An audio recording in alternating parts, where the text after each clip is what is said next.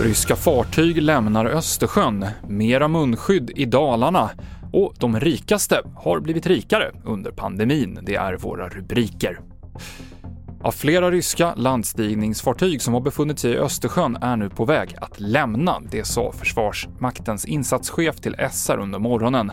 Han säger att det inte är något märkligt i sig att ryska militärfartyg rör sig in och ut ur Östersjön. Men förflyttningarna i kombination med det spända läget mellan Ryssland och Ukraina har fått det svenska försvaret att agera. Bland annat har stora truppförflyttningar gjorts till Gotland de senaste dagarna. Region Dalarna rekommenderar att man ska ha munskydd i inomhusmiljöer där det inte går att hålla avstånd. Det gäller främst butiker och andra offentliga miljöer, men även gymnasieskolor, säger smittskyddsläkaren i regionen till SR. Det innebär att Dalarna går längre än Folkhälsomyndigheten, som i nuläget bara rekommenderar munskydd i kollektivtrafiken när det inte går att hålla avstånd. Regeringen har lovat att villaägare ska kompenseras för de höga elpriserna. Många har drabbats hårt av den rekorddyra elen.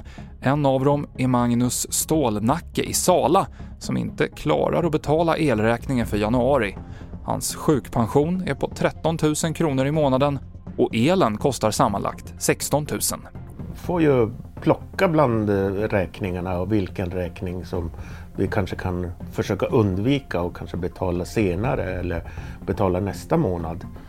För att eh, det, det är ohållbart för oss med sådana summor. Hur tänker ni göra nu för att eh, klara elkostnaderna framöver? Vi kan inte göra så speciellt mycket. Det går inte att spara så mycket mer än vad vi gör. Reporter här var Susanna Balczewski.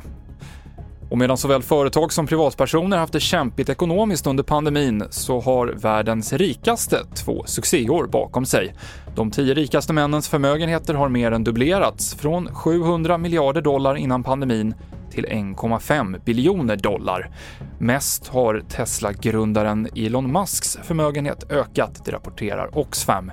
Hela listan på världens rikaste finns på tv4.se. I studion nu, Mikael Klintevall.